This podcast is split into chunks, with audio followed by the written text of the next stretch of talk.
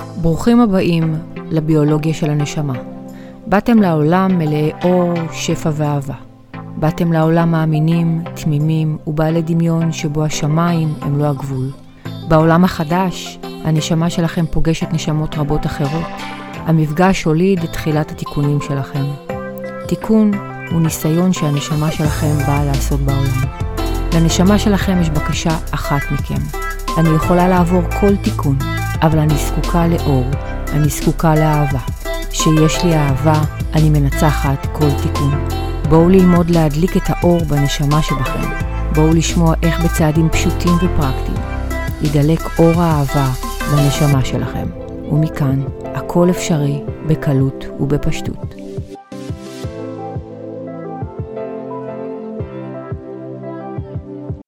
שלום לכולם, אני בטי אדרי שרם ואנחנו בעוד פרק של הפודקאסט הביולוגיה של הנשמה והפעם, אה, כמו תמיד, אני רוצה באמת אה, להמשיך לתת לכם עוד כלים פרקטיים שיהפכו את החיים שלכם להרבה יותר קלים ופשוטים. הכל אפשרי בקלות ובפשטות, ככה זה היה הספר הראשון שהוצאתי לאור ב-2015 ואז בזמנו השם היה בומבסטי. אה, הרבה אנשים שאלו אותי, הכל אפשרי בקלות ובפשטות, ולאט לאט אה, אני מבינה שעם הכלים הנכונים והאמונה הנכונה והצעדים הנכונים, אז הכל אפשרי. קלות ובפשטות זה הצורה שה... והאופן שבו אנחנו מתייחסים לדברים. אם אני אתייחס לדברים שמגיעים לחיים שלי כאל הזדמנות, אז זה יהיה קל ופשוט. אם אני אתייחס כאל זה כאל סבל, זה יהיה מאוד מאוד קשה. והיום אני רוצה אה, לדבר איתכם על עוד דבר אה, ששינה לי את החיים. וקראתי לזה לא באתי לעולם בלהתעסק בלשנות אחרים, במקסימום אני אשנה את עצמי ואחרים יחקו אותי וישתנו בעצמם. הרבה מהסבל שלנו נובע כי אנחנו עסוקים בלשנות אחרים. אנחנו אה, מקבלים לחיים שלנו אנשים מתוך איזושהי ידיעה שנמצאת בתוך התת מודע, שאנחנו נצליח לשנות את האדם, וכך בסופו של דבר אנחנו מפסידים מכל הכיוונים. אחד, אנחנו לא מתעסקים בעצמנו, אנחנו עסוקים בלשנות את האחר. שתיים, אה, הוא לא מוכן להשתנות כי זה לא אה, אה, רעיון שלו וזה לא רצון שלו. אנחנו מתאכזבים, אנחנו בסופו של דבר לוקחים את הכישלון הזה על עצמנו, ומתייאשים אה, ולפעמים מסיימים מערכות יחסים עם איזושהי תחושה של כישלון שלא הצלחנו. אז בואו נבין שנייה אחת מה זה אומר. כאילו, מראש, אם אתה נכנס למערכת יחסים, תיכנס למערכת יחסים שאתה לא מתכוון לשנות את הבן אדם. זה מה יש, עם זה מנצחים. אם הדברים שאתה רואה בבן אדם לא מוצאים חן בעיניך והם קווים אדומים ואתה לא יכול לחיות איתם, אז פשוט אל תישאר. אבל אל תישאר מתוך ידיעה שאתה הולך לשנות את הבן אדם, כי זה לא יצליח. בן אדם, אם ירצה, ישנה את עצמו. אחד הדברים שאני למדתי כאימא, אה, כאישה, כבן אדם, כבת של, זה להתעסק בלשנות את עצמי, מתוך ידיעה שאם אני אתמיד מספיק זמן, הסביבה הקרובה שלי פשוט תוריד את המגננות, הם יסתכלו, הם יראו שיש לזה תוצאה, והם ירצו גם. אז הם ירצו לשנות את עצמם לא כי אני אמרתי, אלא פשוט כי הם רואים את מה שאני עושה, והם רוצים גם.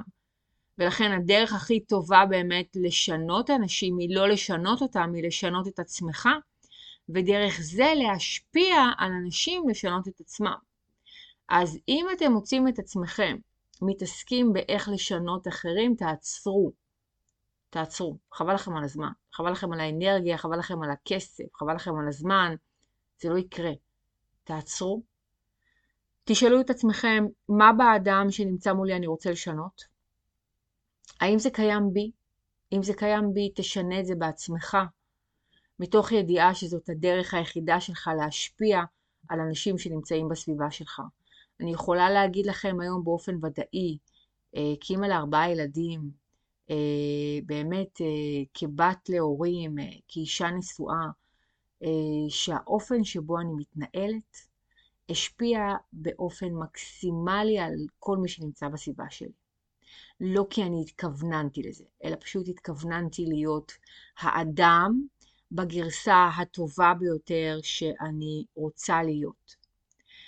וברגע שאני מתמקדת בלהיות האדם בגרסה הטובה שאני רוצה להיות, אני משפרת את עצמי ברמת ההתמדה, ברמת אה, המוסר, ברמת הערכים, ברמת הפעולות, ברמת דרך החשיבה, ברמת ההתנהלות מול הרגש, ואני הופכת להיות איזשה, איזשהו אור לסביבה שלי, שבהתחלה האור הוא מאוד מאוד מאוד קטן, אז הוא גם הרבה פעמים הם כאילו לא רואים אותו, אבל עם זה שאתה ממשיך להתמיד, האור הופך וגדל וגדל וגדל, שכבר אי אפשר להתעלם ממנו עד שכולם רואים את האור הזה. וברגע שכולם רואים את האור הזה, הם מתחילים להגיד, וואו, רגע, מה קרה כאן בעצם? והם מתחילים להשוות איפה היא הייתה ואיפה היא היום, ווואלה, אולי שווה ללמוד, אולי שווה לשאול אותה מה היא עשתה. ומכאן מתחיל באמת להתעורר רצון אמיתי לשינוי. וזה הסיכוי היחיד שאתם יכולים באמת לעזור לאנשים, זה להשפיע דרככם. ככל שאתם תתעקשו יותר על לשנות אחרים, ככה אתם תתנג... תקבלו יותר התנגדות, כוח התנגדותי שעומד מולכם, ואתם פשוט תפסידו כל הצדדים יפסידו, כי גם אתם תתייאשו וגם הם יתייאשו, זה מאוד מתסכל, זה מרגיש מאוד ביקורתי, מרגיש מאוד לא כיף להיות במקום הזה שכל הזמן רוצים לשנות אותך. תחשבו שנייה שהייתם במערכת יחסים, שכל הזמן היו רוצים לשנות אתכם. מה התת מודע שלכם היה אומר לכם? אני לא מספיק טוב, לא אוהבים אותי כפי שאני, מה זה אומר? איך אפשר להמשיך לחיות ככה? שאתם רוצים לשנות אחרים, אתם במילים אחרות אומרים, אומרים להם, אתם לא מספיק טובים, אז אתם צריכים להשתנות. זה רק פוגע בדימוי העצמי, זה רק פוגע בביטחון העצמי, זה בוודאות לא יביא את הבן אדם לרצון לעשות שינוי. אז אני אסכם את הפרק הזה ואני אגיד שאם אתם רוצים באמת לעזור לאנשים לעשות שינוי, תגרמו להם להסתכל עליכם.